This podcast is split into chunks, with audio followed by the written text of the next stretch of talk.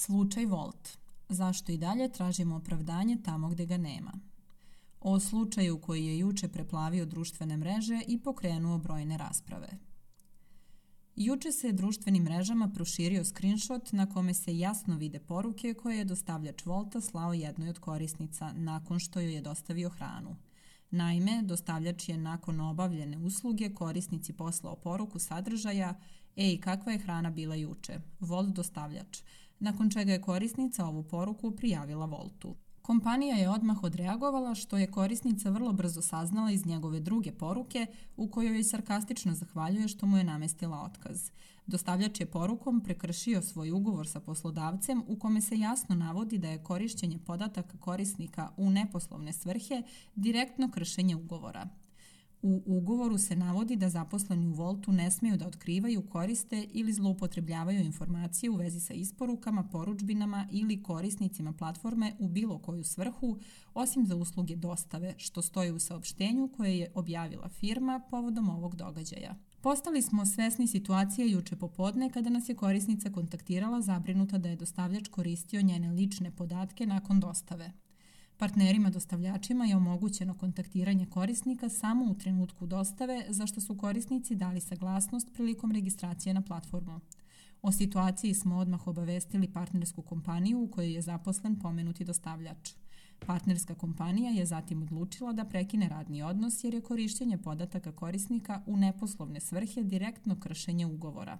Zaštita podataka je nešto što mi u Voltu, kao i naša partnerska kompanija za dostavljače, shvatamo veoma ozbiljno.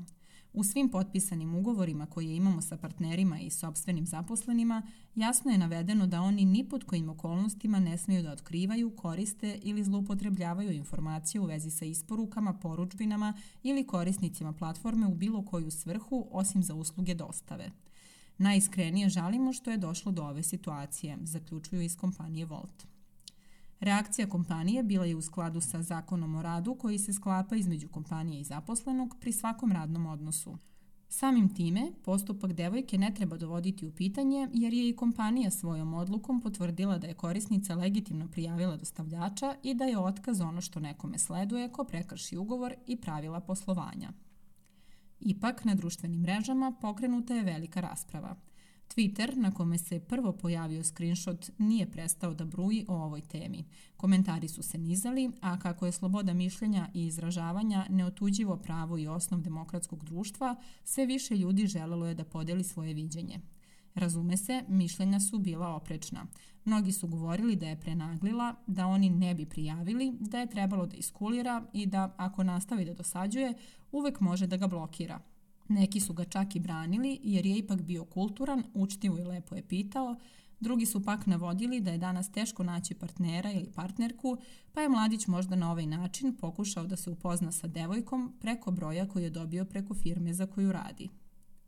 Svi pokušaj da opravdaju dostavljača padaju u vodu upravo zbog osnovne stvari, a to je kršenje zakona o zaštiti podataka o ličnosti na koji je bio obavezan u svom ugovoru o radu. Ma koliko god da je njegova namera bila iskrena i bezazlena, ovo definitivno nije bio ispravan način. Brojni su i komentari koji podržavaju devojku i slažu se sa načinom na koji je postupila.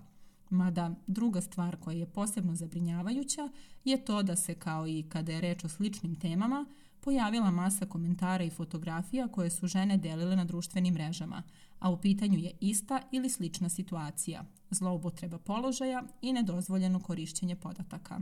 Mnoge žene su u komentarima izrazile strah koji osjećaju jer žive same. Kada bolje razmislimo, svi smo svoje brojeve nekada podelili sa različitim vršiocima usluga, preko dostavljača hrane, taksista do različitih operatera. Da li bi vama bilo prijatno da vi dobijete poruku od nekoga ko vas je pre par minuta ostavio ispred zgrade ili doneo hranu do kućnih vrata? Takođe, mi možemo samo da nagađamo tačne razloge zbog kojih je Volt korisnica tako odreagovala, ali ne možemo isključiti situaciju da je možda ranije imala sličnih neprijatnih situacija. Sve u svemu, ne treba tražiti razlog zašto je neko pokušao da zaštiti sebe, a potencijalno i druge.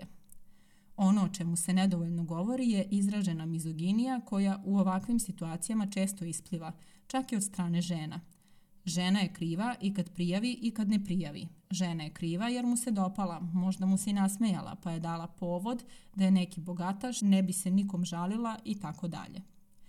Između ostalog, to što je dostavljač dobio otkaz ne mora da znači da će on prestati da joj piše, a pored toga tačno zna gde devojka živi.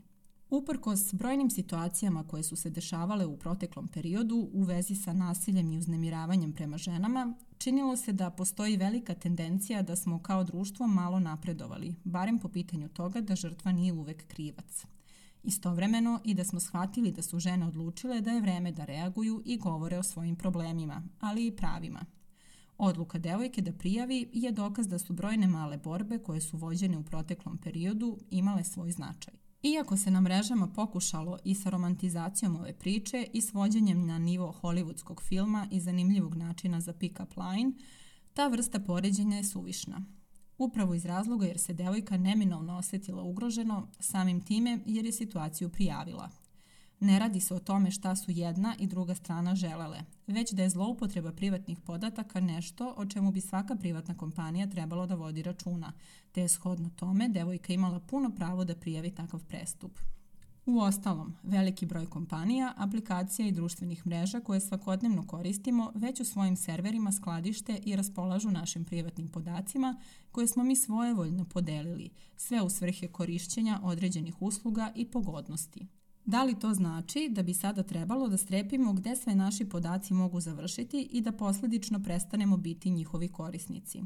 To je apsolutna odgovornost kompanija i niko sem njih se ne treba baviti navedenim stvarima, kao što istu dozu odgovornosti moraju imati prilikom sklapanja radnih ugovora sa zaposlenim licima. U ovu maniru svako gaženje i nepoštovanje sličnih zakona i propisa mora se tretirati na identičan način, od očiglednog uznemiravanja i pokušaja zlostavljanja mimo radnih okvira do jedne na izgled bezazlene poruke poput ove o kojoj se upravo spekuliše. Čitava situacija pogodna je da se zapitamo da li smo dovoljno upoznati sa stvarima kao što su zloupotreba podataka, kršenje ugovora o radu, ko u svemu ovome ima jedini validan odgovor i rešenje, a pogotovo koliko se često dešavaju uznemiravanja ovakvog tipa, koja, izuzev ovoga, nebrojeno puta prolaze neopaženo i nekažnjeno i o kojima nikada nećemo saznati, osim o slučajevima gde je neko ipak reagovao. Šta je za svakog od nas uznemiravanje, nepoštovanje, kršenje zakona, stvari su koje u današnje doba ne treba da budu relativne niti individualne, već kao društvo zajedno moramo raditi na tome da izgradimo kolektivni stav koji obuhvata sve ovakve i slične situacije i koji svako lice štiti od potencijalnog uznemiravanja, nasilja, iskorišćavanja i ugrožavanja.